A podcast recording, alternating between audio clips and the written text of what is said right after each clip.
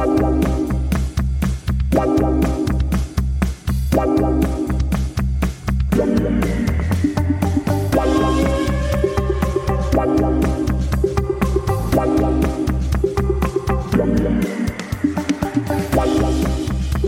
sann, hei sann, og hjertelig, hjertelig velkommen. Velkommen.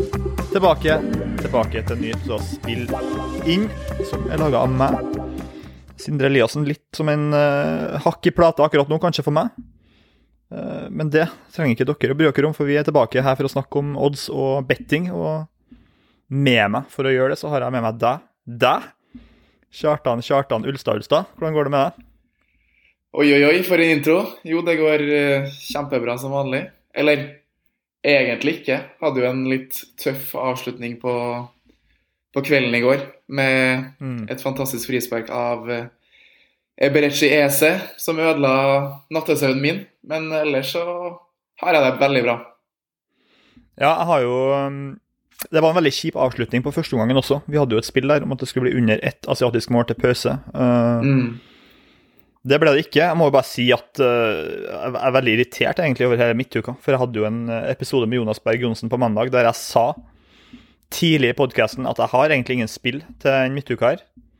Men så av en eller annen grunn så Den, den innspillinga skjærte jo seg helt. Det ble ikke noe av. Vi, når, skulle, um, når han skulle sende meg opptaket sitt, så viste det seg at det var helt tomt, så vi måtte jo bare kansellere episoden. Det var jo ingenting å legge ut. Og da av en eller annen grunn så tok jeg bare med meg spillene vi begge kom frem til at kanskje var interessante. Og jeg bare, i hodet mitt så gjorde jeg det som at dem var, var vi enige om at vi skulle ta.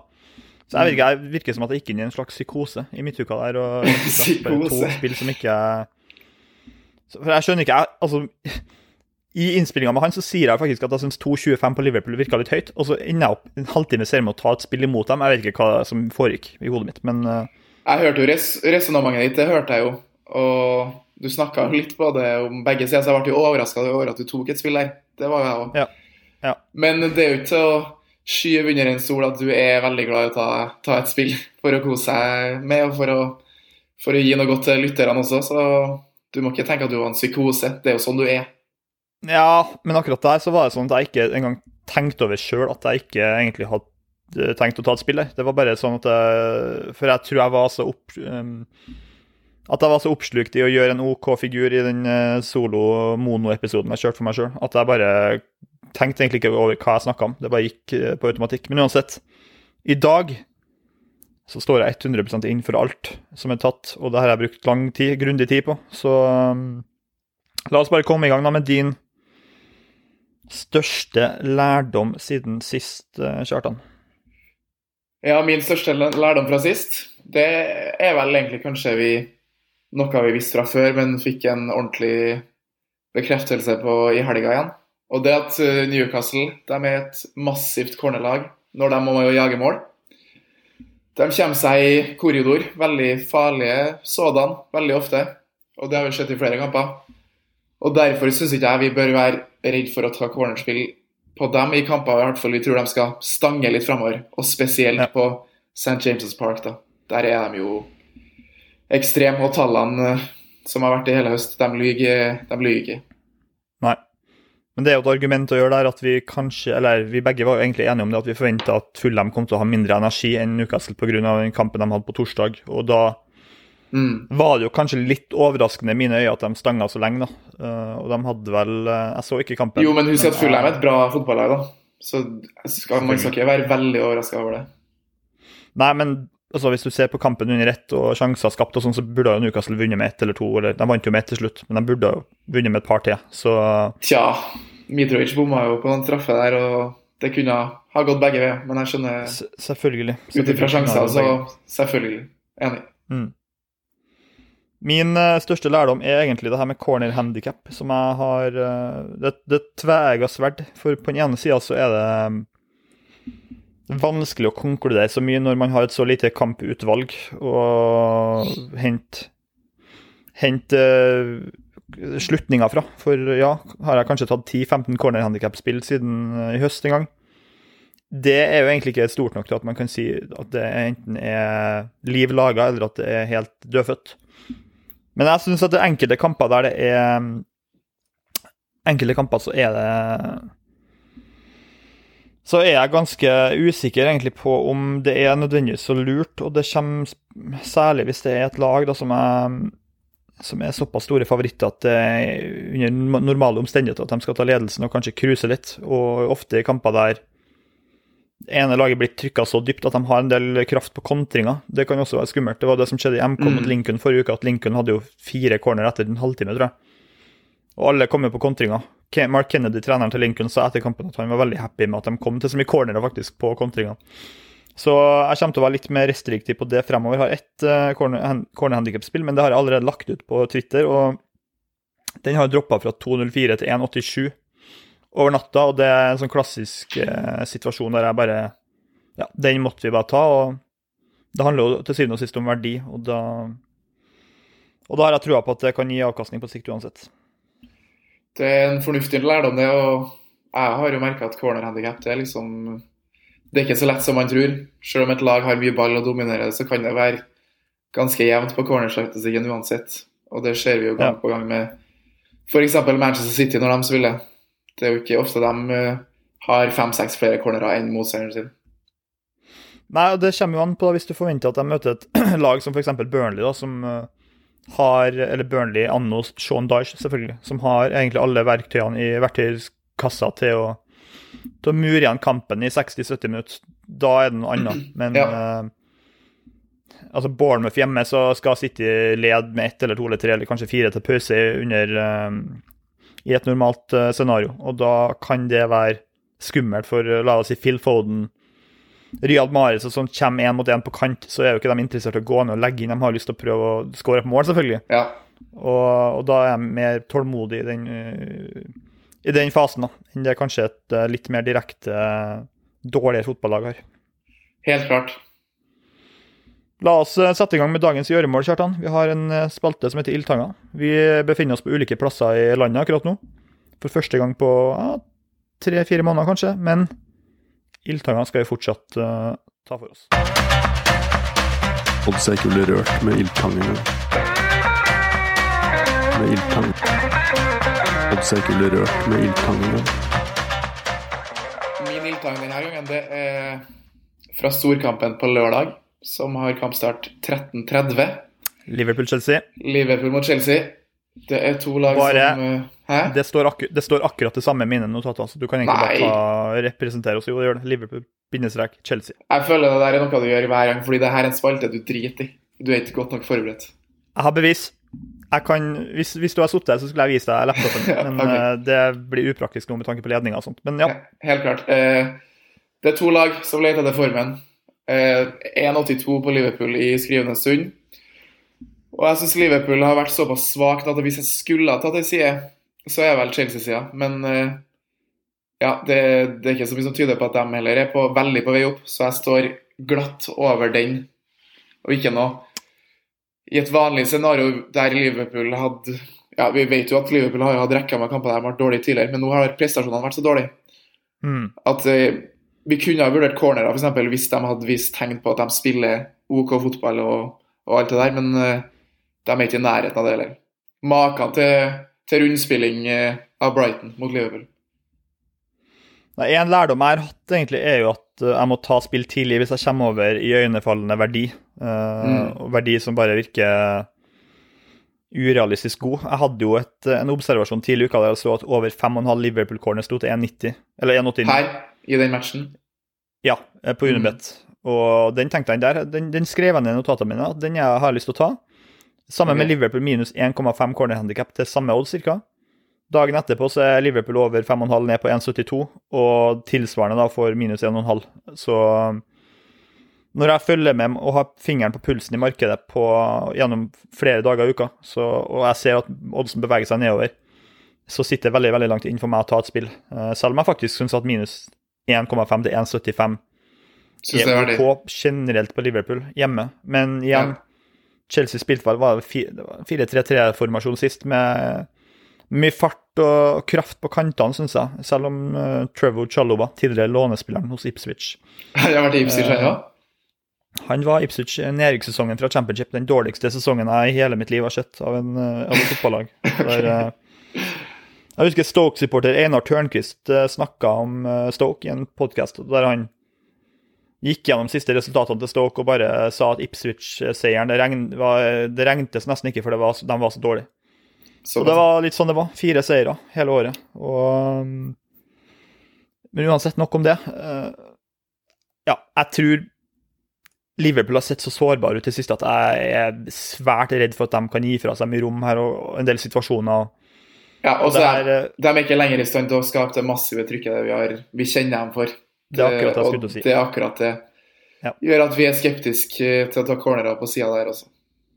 Jeg er helt enig, de har ikke den kapasiteten, akkurat som du helt riktig og tok meg i forkjøpet sier. at uh, Før så har de egentlig bare kunnet nagle fast en motstander egen, uh, innenfor egen 25-meter i en hel omgang. Eh, Den egenskapen virker som at de har eh, rett og slett eh, sklidd ut av fingrene deres litt.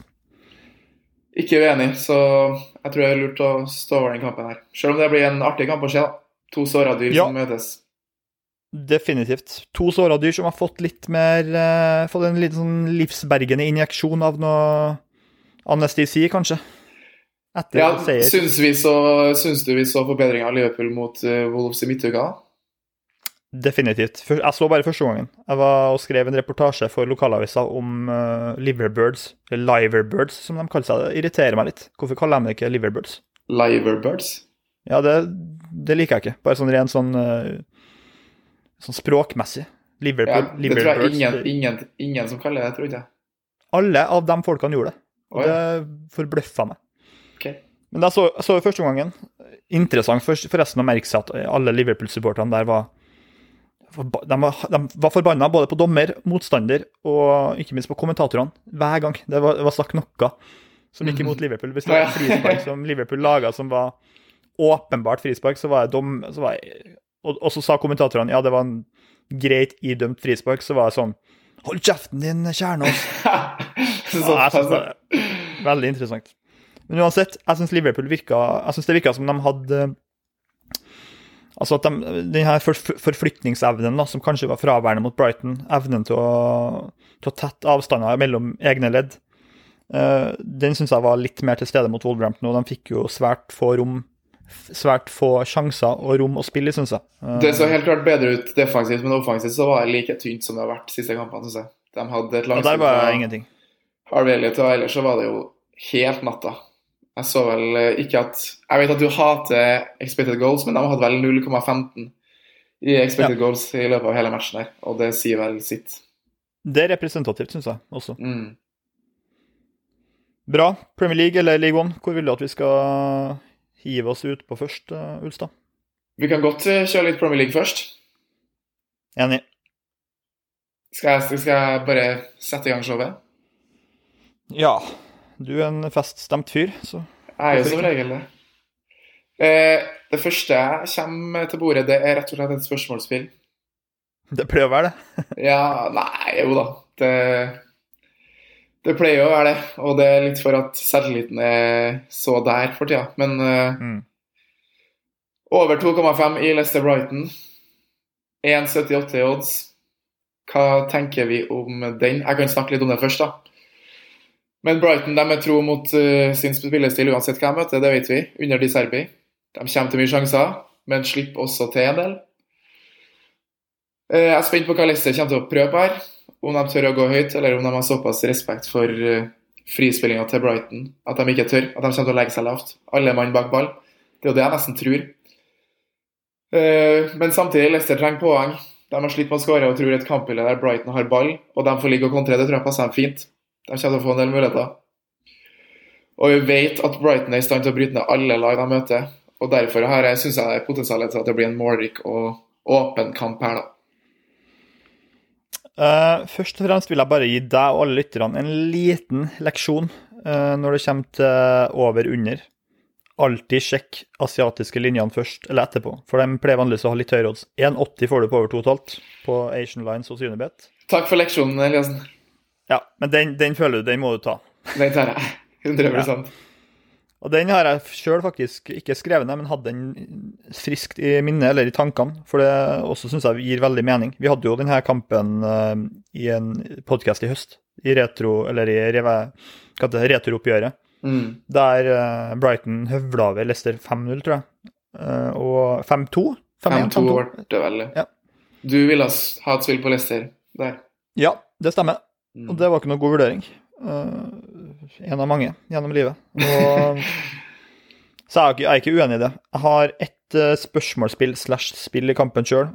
Premier League så sitter litt lenger inn for meg bare lanserer ting uten å ha ditt eh, samtykke. Men eh, jeg syns kanskje skuddlinja på Leicester var litt lav her. Eh, du får eh, 1,82 i odds på hvilken linje, tror du? Hjemmelaget Leicester. Eh, 10,5? Det er korrekt. Det er det? Ja. Wow. Jeg syns kanskje at den var et knepp eller to for lav på et hjemmelag eh, som eh, Selv om de ikke er noe, som du ville ha sagt, skuddmaskiner, så så tror jeg at de skal være gode for 11 skudd eller mer hjemme, på hjemmebane mot et lag de får en del rom mot, selv om selvfølgelig Brighton kommer til å ha 60% av ballen, sannsynligvis.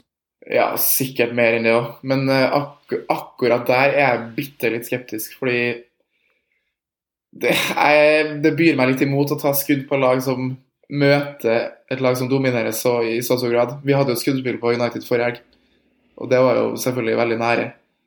Ja. Men når de, de møtte jo City og jo, hadde jo veldig lite ball. og Når man har 30% av ballen, så er det vanskelig å komme til så mye avslutninger. Enkelt og greit, selv om du får kontringer. Men det er ikke alltid de eh, lykkes heller. Så akkurat den her er jeg ikke 100 bak, i hvert fall. Men du selvfølgelig du skal få ta det hvis du vil. Og så har jeg i tillegg eh, vet- Hadde jo egentlig et spill på Pellas i går som jeg snakka om i podkasten, som jeg ikke valgte å ta, og det var jo Pellas over 9,5 skudd. Og den tror jeg gikk inn så vidt. Men uh, jeg så jo ikke kampen, jeg var opptatt med andre ting, så Hva var du opptatt med? Jeg gikk, gikk meg en tur med en kompis jeg ikke har snakka med på, på en stund. Kompiser. Det er det man kaller det. ja. Ja, ehm, men ja, jeg, bare digresjon. Var det, kom de skuddene til Pellas på overganger, eller var det litt faste situasjoner? De fikk jo et på tampen på frisparket, selvfølgelig. Greia var at Palace hadde jo ingenting i første gangen, og ble egentlig ganske kjørt. Da var United god og, og så sånn ut som de har gjort i den siste måneden. Men eh, så slapp de seg fullstendig ned i andre gangen og klarte ikke å holde i ball. Og da hadde Palace både en del skumle langskudd og noen frispark der, og det var egentlig litt varsla den faren der, at de skulle få en svær mulighet på slutten, og den kom jo. Ja. Jeg er helt enig med deg, bare sånn på generelt grunnlag. Roberto Di Serbi og, bort, og borte, hjemme borte, det er generelt over uh, fotball. Ja, Så jeg tror ikke- den Jeg starta kanskje å rulle den ballen her forrige uke mot Liverpool, og vi snakka om hvilke lag vi mente var overlag i Premier League. Mm. Jeg kommer jo ikke til å sitte her i uke senere etter at de har skåra tre mål mot Liverpool og slapp faktisk til litt sjanser også. Selv om ikke det var Liverpool hadde så mye skudd, så hadde de et par tilløp som kunne De ha hadde et par blitt eh, tilløp, farlig. men uh... Ja. Det må man jo forvente uansett. ja, helt klart. Men jeg er enig. Eh, Over 2,5 eh, mål i kampen til 1,80 på den asiatiske linja. Da scroller man ned til Asian Lines hos Unibet og plukker Den linja er jo 2,75 til 1,98, men du vil heller ta ei Ja. litt mer sånn generell linje, da, eller? Det er for, for folket, enkelt og greit. De som ikke er så glad i asiatiske linjer. OK. Junis på den, eh, Kjartan? Nei, skal vi gå for sju, da? Ja. Ikke noe banebrytende. Nei, for det, altså, hvor mye lavere kan den være? Kanskje 1,72, 1,73, men uh, Det er akkurat det. du hadde ikke tatt over 2,5 til 1,60 her, ikke sant? Nei. Så- Men du nevnte jo både Leicester og Brighton som overlag da, forrige episode. Helt enig. 100% enig. Så når de møtes, så må ha ikke vi noe annet valg, føler jeg. Nei, altså Hvis eh, folk har lyst til å putte hodet ditt i en giljotin neste uke pga. at det ender 0-0, så ta med meg i samme slengen, for her er jeg bak deg. Og, vel så det. Ja, bra. Det kan jo gi meg, gi meg litt flashback til da Mats tok uh, over 2,5 mål i Villa Leicester i fjor, og den endte 0-0. Det var den eh, episoden der tror vi bomma på nesten alt. Den det, det soleklart verste episoden vi, hadde, eh, vi har i manns minne. Og bare en sånn liten digresjon om det, den helga der. Jeg skulle jo Mm. kjøre eh, nordover til familiehuset vårt i, som er ti timer kjør fra Trondheim. Og det hadde vært bedre ting å kjøre eh, nordover med i bakhodet enn at du hadde hatt tidenes verste episode, bettingmessig. Men der har vi det du må bli bedre på. Ikke la bettinga styrer livet ditt ellers. Nei, og det gikk så dårlig at det egentlig var litt morsomt, syns jeg. Det var sånn, sånn hva det, Murphys lov når alt går til helvete, så Nei, sorry. Jo, det er vel kanskje Murphys lov, dette. Der Ja. eh, skal ikke jeg komme med noe innspill. Nei, men vi er enige i den. Over 2,5 Ja. da, til 1,80. 7 units på den. Deilig. Um, har ett uh, spill i Premier League, og det er i kampen mellom Det er et cornerspill. Hvis du bare tar en kjapp titt på Unibet hvis du har det opp eh, foran deg, Kjartan, Ja, kan du få det opp nå? og så trykker du på der det står Bet Type Match, og så scroller du ned der det står Total Corners. Hvilken match hadde du? Jeg bare, jeg bare glem det. Du kan bare ta, se på kampene i Premier League og så spør deg sjøl hvilken kamp syns jeg at det roper litt hjørnespark her. Potensielt. Det handler jo naturligvis om å finne verdi, men, eh, Mm, men hvis du bare tenker cornerer, uavhengig av odds jeg vet jo at du er litt glad i Nei uh, Southampton Villa. Nei. Det var bom. Men altså. ganske, ganske interessant å si at alle linjene på lørdag er 9,5. Det Ja, det så jeg. jævlig høyere. Jeg så at linja Palace Newcastle også var 9,5, men jeg tipper at du står over den. Jeg har ikke noe sterk uh, motstand mot den nødvendigvis, men kampen vi skal til, det er kniven på strupen-derbyet nede i London mellom Westham og Everton. Der, okay. eh, der det er virkelig, virkelig interessant å se om det blir eh, utrolig sterk risikoaversjon. To lag som er livredd for å tape terreng på konkurrentene. Eller om det blir litt sånn at begge går for det, at egentlig både Moyes og Lampard skjønner at her ja, her er vi virkelig nødt til å ta tre poeng for å ta et eh, steg ut av bunnstriden. Eh, Så Det er jo interessant å tenke hva slags kampbilde får vi. Men hvis jeg blander inn litt ord her, da, kampsituasjon, kampinngang, kamptilnærming, kamppsykologi, kanskje til og med kampatmosfæren, som som jeg Mm. tror vi kan få, så syns jeg veldig mye taler for at vi får en eh, match med mye faste situasjoner, faktisk. Og jeg syns linja her var litt sjenerøs. Vi har snakka før om at Everton er et av lagene i Premier League som har høyest eh, cornertall generelt. Det bryr jeg meg, meg ikke så mye om, men her tror jeg, også tatt i betraktning at eh, head to head så har de gått veldig høyt de siste årene, både hjemme og borte. Eh, og de har Det spekuleres nå om at Moyes er nødt til å gå over til 4-2-3-1 igjen. Kurt Zuma Ja. var, var vel på benken sist, og da er det jo litt bedre forutsetninger for å ta og spille med fire bak enn en tre-fembackslinje. Det må Så- skje noe der, ja. Så jeg tror det her kan bli en kamp der begge lagene er nødt til å prøve litt. Og, og jeg liker linja her på over 9,5. Den syns jeg er fin. Spillet vi skal ta, er over 10 asiatiske Spennende. Til 1,93 hos Unibet. Og den er markedsledende akkurat nå. Det er jo ingen av lagene her som har råd til å tape, da. Det er jo litt det eneste som eh, byr meg imot, men ellers så er jeg jo fullt med på argumentasjonen din. Og jeg tror jo at Westham kommer til å De kan produsere ganske mye k- cornerer i en sånn type kamp. Og Ja. de er desperate, og det, det er jo Everton òg. Kanskje taperen av kampen her. Kanskje manageren deres får sparken. Vet aldri. Det er veldig mulig. Og jeg tror til og med at en uavgjort hjemme mot Everton kan være Kroken på døra dråpen. for Moss? Ja, det er kroken på døra og dråpen på det ellers eh, ganske fulle eh, begeret hos eh, Westham og, og for Moyes sin del.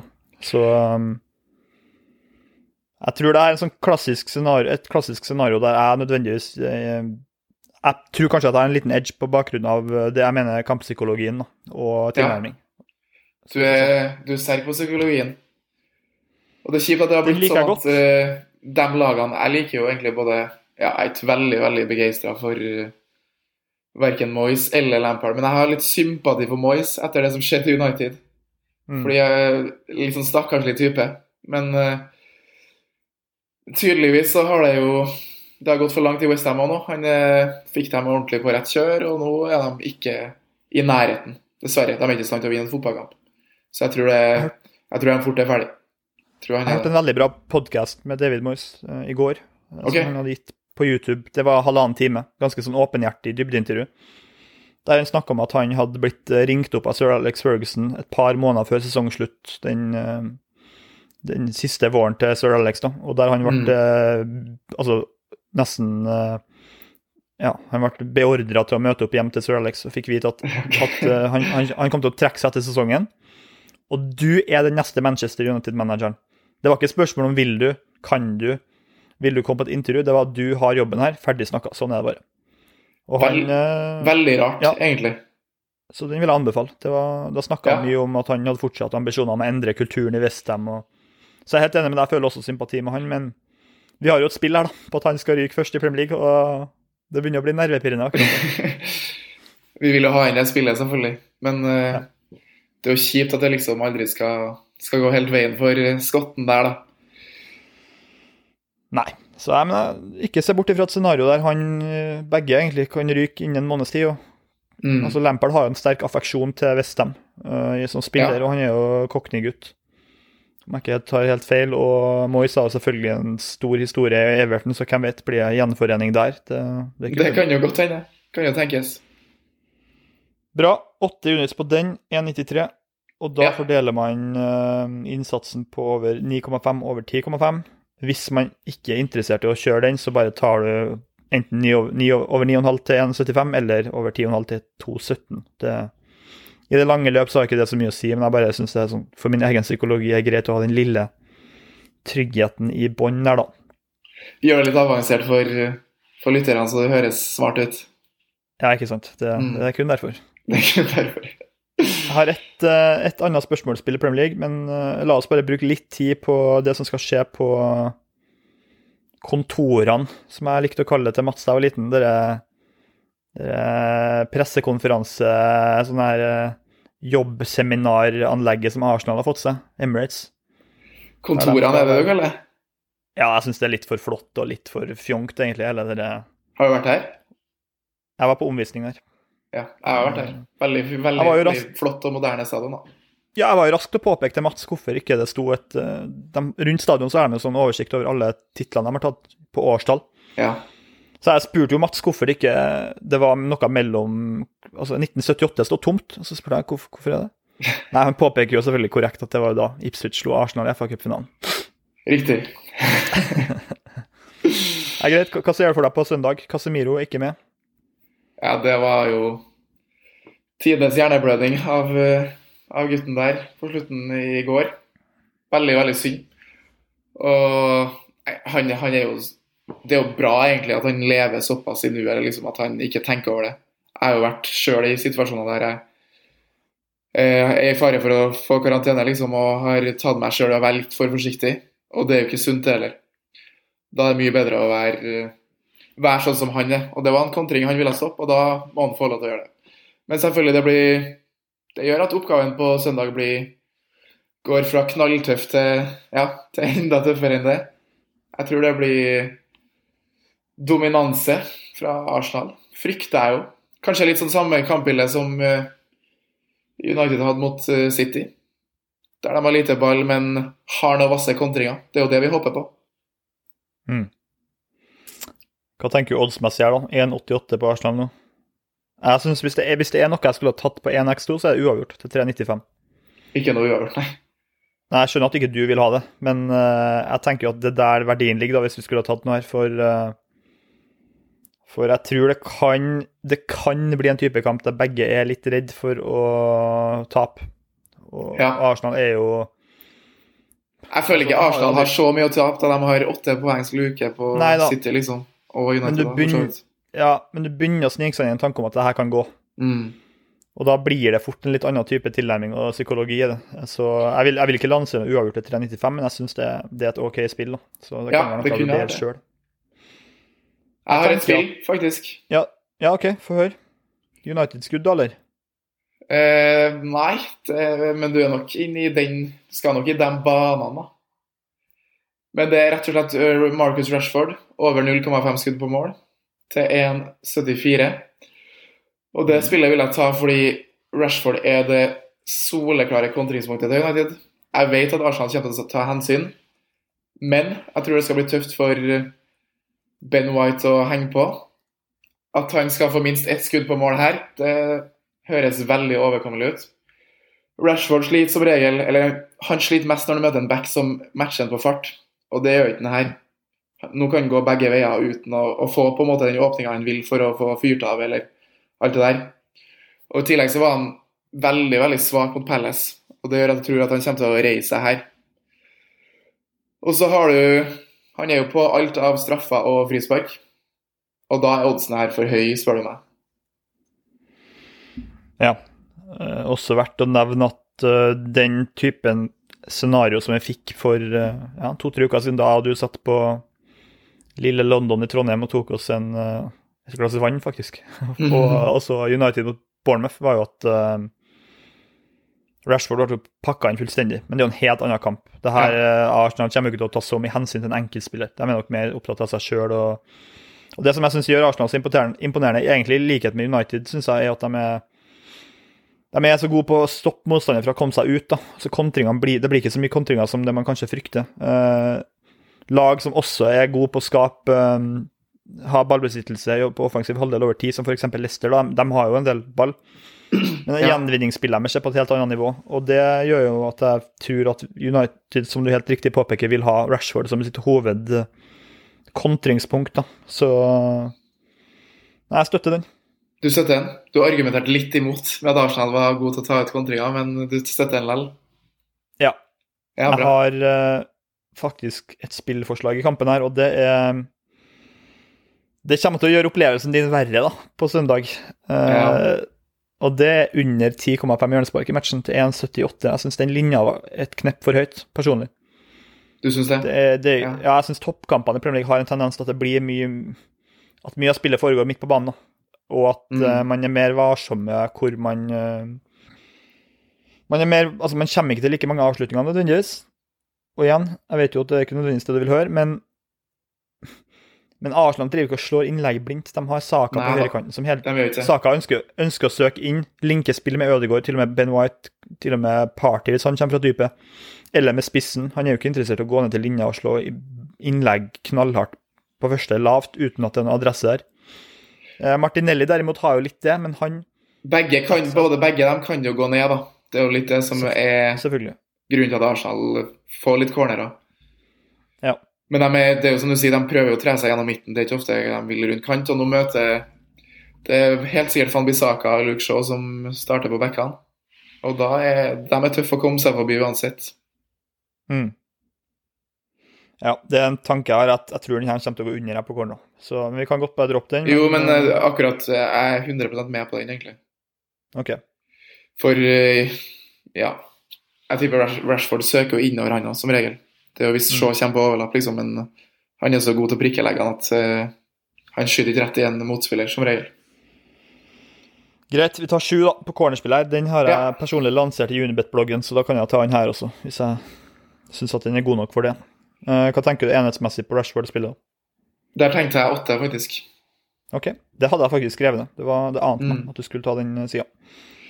Uh, et spørsmålsspill fra meg i Premier League, og det er bare sånn Jeg syns det er litt rart å si at Bournemouth er er favoritter mot eh, Forest, egentlig. Eh, så um, Bournemouth pluss null, altså pengene tilbake på uavgjort, er 1,97 Nei, sorry. eh, Forest pluss null er Ok. 1,97. Det syns Mm. jeg var litt høyt, egentlig. Hvorfor er Bournemouth favoritter? De har jo bare tapt det siste, og Forest er jo på gang. De så veldig bra ut mot Leicester sist, og fikk en sterk seier mot Southampton for noen uker siden. Spilte uavgjort mot Chelsea. Slapp det lite der. Det er vel noe som heter hjemmebanefordel. Og når det er to dårlige er lag som møtes, liksom. Så det er jo fort Forest, derfor Er de så dårlige, da? eh, Nei, Forest har jo vist eh, bedre ting etter VM-pausen nå, i hvert fall. Men eh, ja, det er ikke noe lag jeg er interessert i å røre så gærent for. Jeg syns de er både ustabile og, og svake begge to. Men eh, du har sett eh, Forest mer enn meg. Så Ja, en god nyhet, da. En god nyhet da er jo at vi tok Bournemouth til å rykke ned. Ti units på den for en måned siden. Den er 1,33 nå. Vi tok Ja. den til 1,65. Så det er et bra spill. Vi, eller den har, den har stått seg bra, iallfall. Men greit, vi, vi står over den. Har du noe mer i Premier League? Ingenting i Premier League, nei. Vi tar tennisspillet litt etterpå. Jeg vet du har noe på gang der. Så tar vi en- Har noe tennissnacks til folket, ja. Ja, vi tar en liten tur innom ligaen først.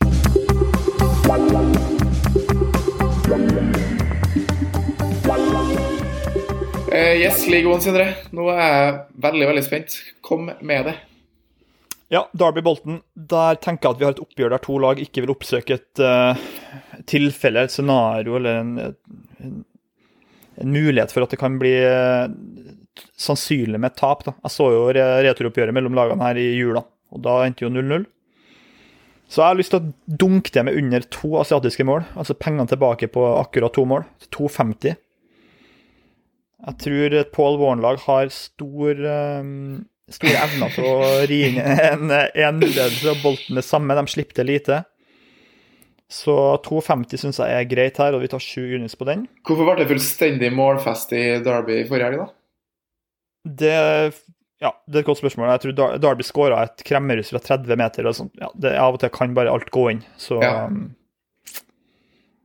Bra skåring av godeste Knight der.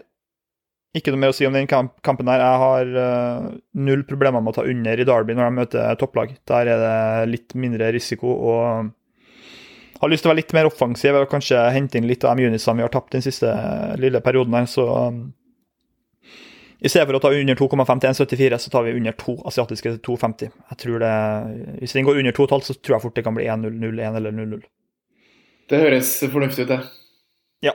Og så Jeg løfter hånda og hytter neve i lufta, for vi skal til Oxford. Carl Robinson. Dessverre for dem så blir det tap i helga når Ipswich kommer på besøk. Ai, ai, ai. uh, og ja, du har helt rett, Kjartan. Du sa til meg forrige uke at det er en forbannelse som henger over town akkurat nå. Ingenting går veien. Det er det. Og jeg har hørt akkurat det jeg har hørt fra flere hold de, neste, eller de siste dagene, at det virker som at det er en forbannelse over Ipswich. Guttene i Not the Top 20 Podcast har sagt det, guttene i Kings of Anglia-podkasten har sagt det at hvor er flyten for Ipswich? Alt går imot. Og, og det her er en sånn type kamp som virker på papiret vanskelig. Oxford borte, det er et bra lag. De har begynt å få litt folk tilbake fra skade nå. Jannik Wildschut og Josh Murphy og Jeg håper det er Josh, ikke Jacob. Broren er jo i Newcastle. Jeg tror det er Josh. Eh, De har mye gode enkeltspillere, men jeg tror det her er en sånn type match som passer Ipswich veldig godt. De eh, drepte jo Oxford på boksing Day, vant 3-0. og Stemmer. Eh, Her får de en del rom. Oxford skal spille sin fotball, og ja, vi så at de lyktes utrolig godt mot Arsenal på å gjøre det. Men eh, det er ikke samme Altså, det er ikke utsolgt på Kazam Stadium helga her, og Nei, Ipswich kommer til å få en del sjanser her, og da, da tror jeg de er bedre, rett og slett. Så 2-15, det syns jeg er gavmildt.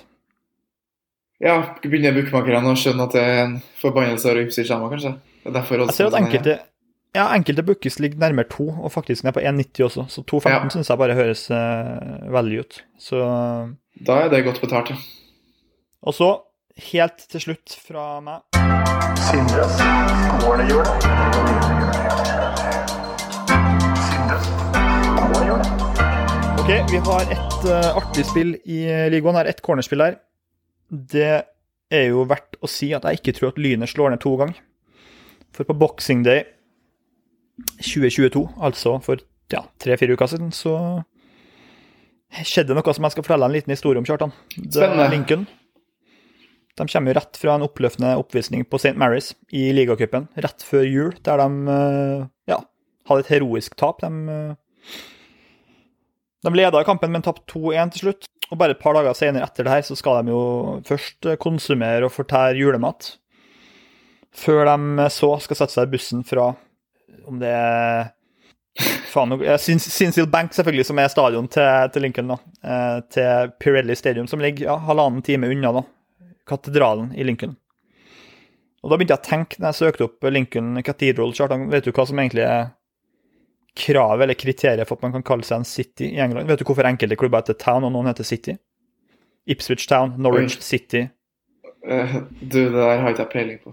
Cheltenham. Town, du Ja. har uh, Cardiff City. Hvorfor? Manchester City. Ja. Og så har du enkelte towns, Huddersfield Town eksempel. Hvorfor er dem en town og ikke en city?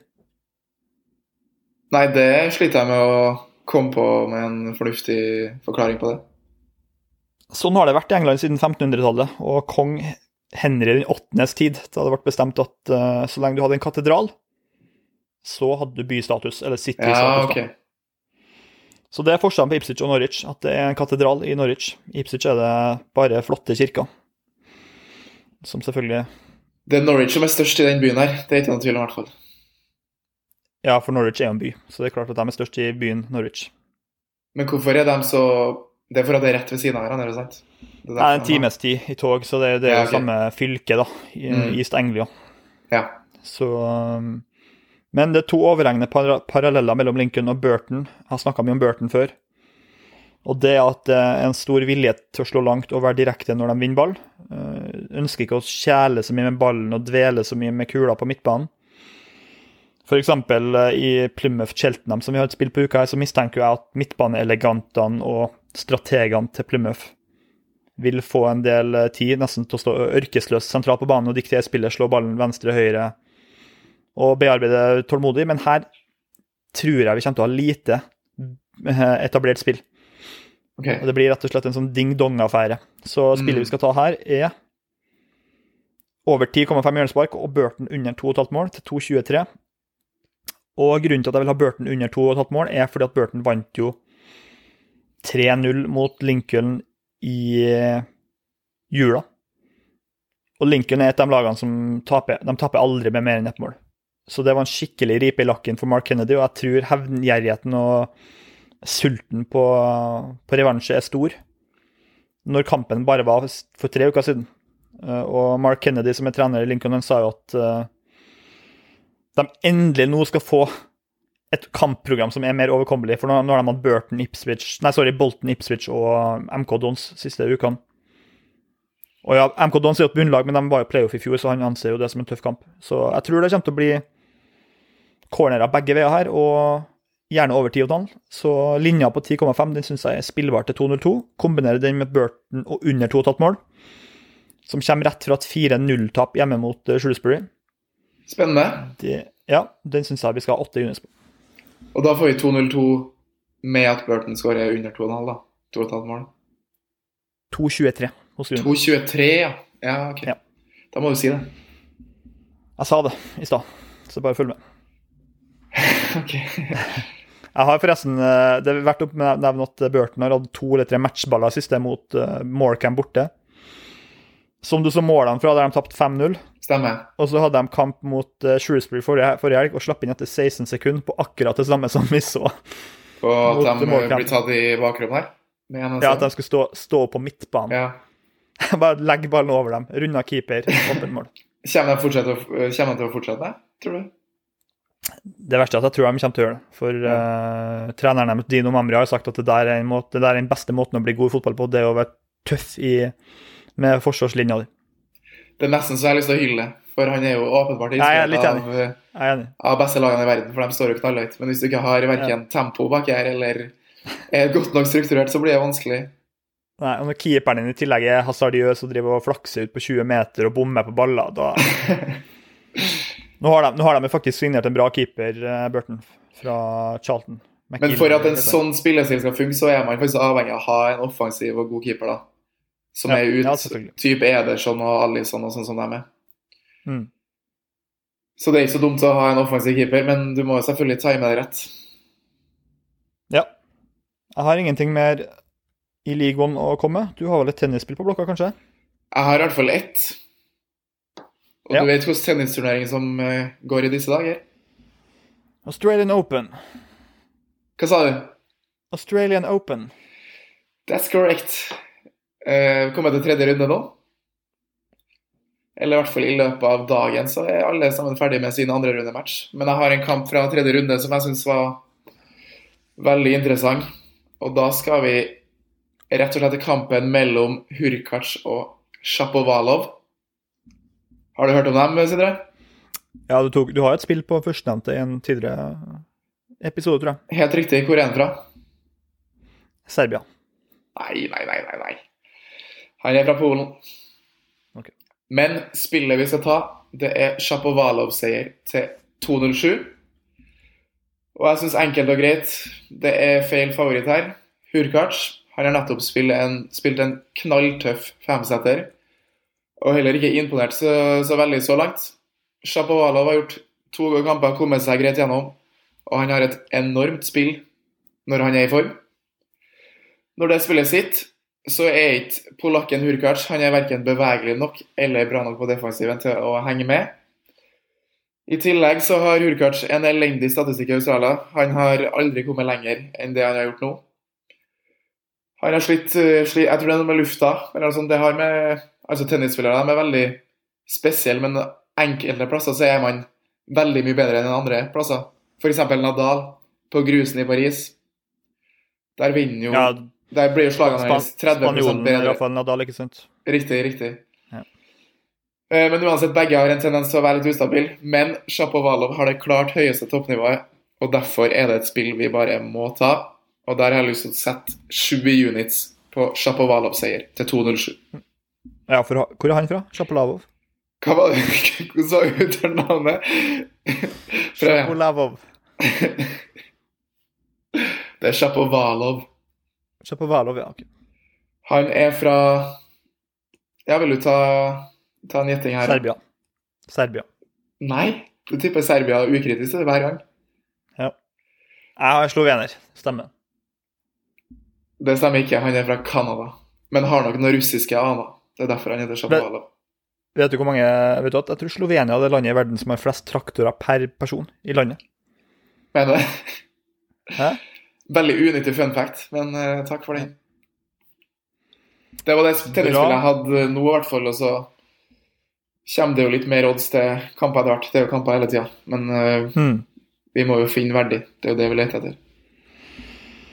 Helt til slutt, på odds-sida, så bare lurer jeg på, Kjartan, om du har kikka på noe possession-spill i kveld. City mot eh, Spurs. To lag som selvfølgelig er litt forskjellige. Du har eh, over 65,5% possession på City til 1,85. Samme Mm. odds på under hos Tottenham, eller hos City, da. Hva, hva tenker du der? Er det en korrekt linje, syns du? Har ikke skjedd noe på det, og umiddelbart så høres linja ganske grei ut. 65,5, den er jo veldig høy, da. Mm. Men samtidig så er Tottenham de er jo ikke interessert i å ha ball. Og City gjør alt for å ikke miste ball, så det gjør at linja er så høy, og den er helt sikkert korrekt. Jeg ville ikke ha Ja. rørt noe her, egentlig. Hva tenker du? Nei, enig. enig.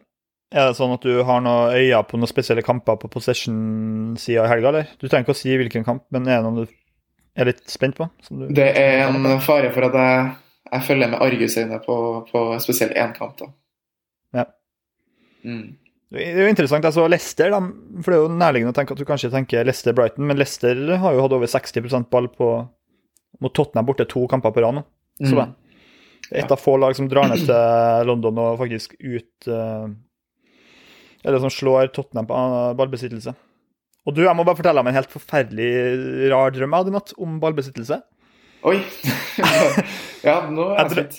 Jeg drømte at vi hadde et possession-spill i Champions League-finalen. Jeg tror Chelsea-Real Madrid. Der vi hadde Chelsea over 55,5 ball, tror jeg. Mm. Og så var det 40-60 favør eh, Real Madrid til pause. Oi, såpass. Og så, og så leda Real Madrid 3-0, og så plutselig så bare Vi orka ikke å se kampen, for det var Altså, vi gikk bort fra matchen for at det var kamp, spillet var dødt, så da kunne vi jo bare like gjerne ikke se kampen. Ja, ja.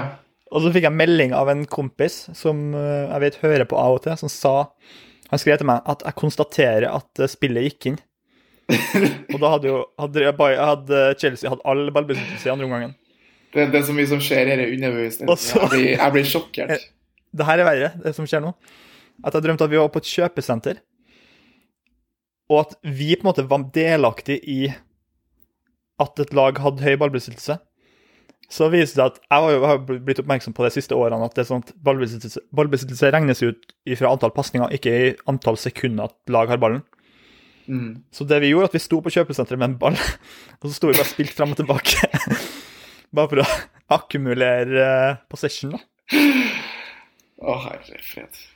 Nei, jeg velger å ikke kommentere det her, men uh, takk for uh, delinga, i hvert fall. Folk får, vite hvor sjuk fyr du er, egentlig.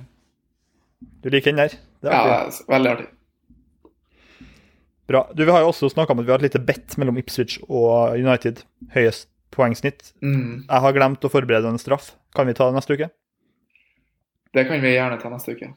Ja, for vi ble enige om at det er laget av Ipswich og United som får høyest eh, poengsnitt. Jeg begynner å trekke meg litt på det bettet her, forresten. Nei, det gjør du ikke. Du kan Jo. ikke begynne å trekke deg. Nei, det kan du ikke gjøre etter vi har inngått det. Sånn funker det ikke. Ipswich Blir jeg det tap på søndag, så trekker jeg meg 100 du, Jo, jeg gjør det. Jeg skal si en ting, at det der er den det er kanskje den dårligste egenskapen jeg har, skjer hos mennesker, bortsett fra sånne åpenbare ting som ondskap og sånt, det at man trekker seg fra ting, eller ikke betaler ut et, et veddemål man har tapt. Jeg har jo ikke tatt deg i handa på noe som helst. Nei, men vi hånda ble enige om det i podkasten her for to uker siden. Det var en enighet. Vi bare diskuterte straffen, så det står du for. Jeg tipper at det var noe du hadde redigert inn. Jeg, har ikke, jeg kan ikke stå for det jeg har sagt. Så du mener at uh, du, du, står, du er dårlig stilt nå etter United vant, vant mot City? Det var, det var et skjær i sjøen. Vi ser etter søndag. Vi kan ta en ny vurdering da. Nei, vi tar ikke noen ny vurdering. Det her skal vi stå i. Greit, vi står i det. Jeg tuller bare med. Bra. OK, uh, la oss oppsummere. Vi tar og starter i League One. Burton borte mot Lincoln over 10,5 corner og Burton under 2,5 mål til 2,23. 8 units på den. Oxford Ipswich. Ipswich vinner til 2,15. 7 units på den. Derby Bolton under to asiatiske mål til 2,50. 7 på den. Ligger eh, Premier League. eh, Westham Everton over ti asiatiske cornerer til 1,93. 8 units på den. Arsenal, Manchester United under 10,5 hjørnespark til 1,78. 7 units på den. Og Marcus Rashford over 0,5 skudd på mål, ikke sant? Riktig. Til 1,74. Mm. 8 units på den. Uh, hadde vi noe mer i Premier League? Ja. Leicester Nei, Burton ja. Leicester Burton. Leicester Burton Leicester- spiller ikke her, da. Nei, Leicester Brighton over 2,5 mål. 1,80. 7 på den. Og så skal vi ta tennisspillet, da. Chapo Valov til å vinne Ja. sin kamp mot Hur Hurkasj til 2,07. 20 units på den. Riktig. Og det var det. Det var det hele. Og da er vel du kjempeklar til å svare på mine fem kjappe? Ja, det vil jeg si. Bra, da kjører vi i gang. Nummer én. Hva var ditt favorittfag på skolen? Nå ser jeg du begynte å tenke. Ja, og bortsett fra sånne åpenbare ting som gym og, og musikk og sånn som var litt annerledes, så vil jeg si engelsk. Det likte jeg godt. Og samfunnsfag. Engelsk og samfunnsfag. Engelsk og samfunnsfag. Var noen spesiell grunn til at du likte de fagene veldig godt? Vi hadde en lærer på barneskolen som uh, Harald Hagensen? Nei, han var aldri læreren min. Ok. Det er faren min, bare så det er sagt. Jeg har ikke hatt faren min som lærer. Men vi hadde en lærer på barneskolen som eh, jeg lot få høre det. For at i engelskboka, kartet over England i engelskboka, var Norwich på kartet, ikke Ipswich. Det irriterte meg forferdelig. Men det er det du, det er det du får for, for å ha en katedral i byen. Da havner du på Ja. kartet. Det, det skulle man tenkt på tidligere i Ipswich. Spørsmål nummer to. Hvem er beste spilleren i Premier League akkurat nå? Oi. Uh, Martin Ødegaard. Du tar den åpenbare, som jeg Ja. hinta litt til. Hinta du til det? Nei, men alle har, det har vært en snakk i siste uka at han er liksom beste spilleren. Og han ble jo kåra til mannsspiller i Premier League også, det er vel nærliggende å tenke til. I hvert fall når han fortsetter med det storspilleren har gjort de siste to-tre to, tre kamper nå. Han er Jeg lå i jo et lite slag til Casemiro her. Han er jo et slag til Casemiro. Ja, for Skal du slå han, liksom? Nei, helst ikke. Men Nei. et slag for Casemiro.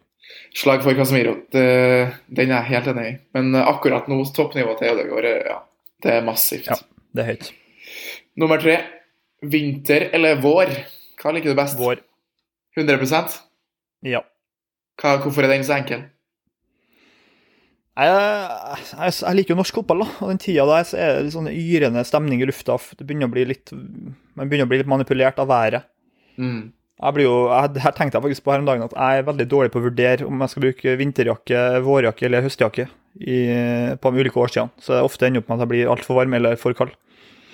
Så på våren så jeg, går jeg på mange blemmer, rett og slett på at jeg benytter meg av en eh, vinterjakke litt for langt ut i april og mai. Og det blir, kan bli svett, da. Du blir litt småsvett her, ja. Men eh, jeg vet jo at du er glad i vinter nå. Jul og sånne ting. Ja. Estetikk. Vinteren er kanskje den vakreste årstida, sånn rent estetisk. Men Mm. eh, altså, jeg er veldig glad i å være ut, utendørs, Ja. så det, det kan man ikke være like mye av på vinteren. Støttes herifra. Nummer fire. Hvor lenge er det til vi har en kvinnelig hovedtrener i Eliteserien? For, for menn, altså. I Det blir jo ren gjetning. Ikke innen, ikke innen fem år, så fem pluss år, da, vil jeg si. Fem pluss år. Kan du Ja, si et år, da? Jeg, jeg, ja, 2034. 2034. Hva heter hun som eh, tar over, og hvem tar over? Nei, det vet jeg ikke. Jeg vet ikke om én kvinne tar Gøri Deilig. Klingen fra Trondheim. Gø- Gøril Kringen for Rosenborg. Herrer, Helena Mikkelsen. den er fin. Ja. Du har jo hun Renate Blindheim i Sotra, som du Ja, kunne jeg tror du har en softspot for hun. Om jeg har det? Ja, du, du har jo det. Ja, s- Du har hun vært, det kan vi, kan røpe at du har, litt, du har flørta litt med Sotra tidligere. Ja, men det er lenge siden. Men vi har en fin tone, ja. Ja, bra. Nummer fem. Hva blir stillinga i toppkampen på søndag? Og da snakker jeg selvfølgelig om Arsenal mot Manchester United. Og da vil jeg ha resultattips. Det får du her. Du viser fram et horn. Ja. Jævelhornet. Jævelhornet. Ja, 1-1. Det blir 1-1. Mm. Hvem skårer? Markus og Granit. Han skåra jo en uh, skikkelig suser mot United i vår. Interessant. 3-2 endte jo den kampen. Ronaldo skåra. Tips fra meg. 5-0 til Arsenal. Ja. Mm. Det er, det er interessant at du forrige helg var klink seier United mot City. Jeg sa ikke, ikke klink seier, men uh, Ja. Traff jeg, da? Eller? Det gjorde du. Ja, nettopp. Det er godt at du har, at du har flaksen med deg når det kommer til dommeravgjørelser. Ja.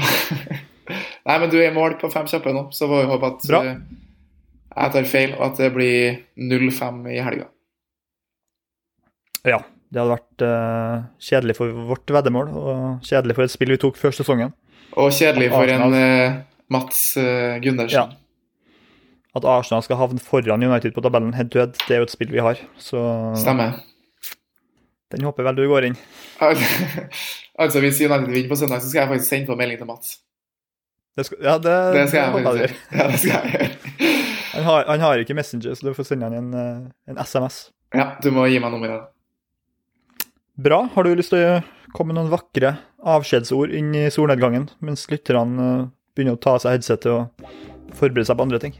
Nei, det er bare mye, mye å se fram mot i helga. Det er mye fine fotballkamper og ikke minst eh, mye deilige kamper i Australian Open. Så det er bare kos deg.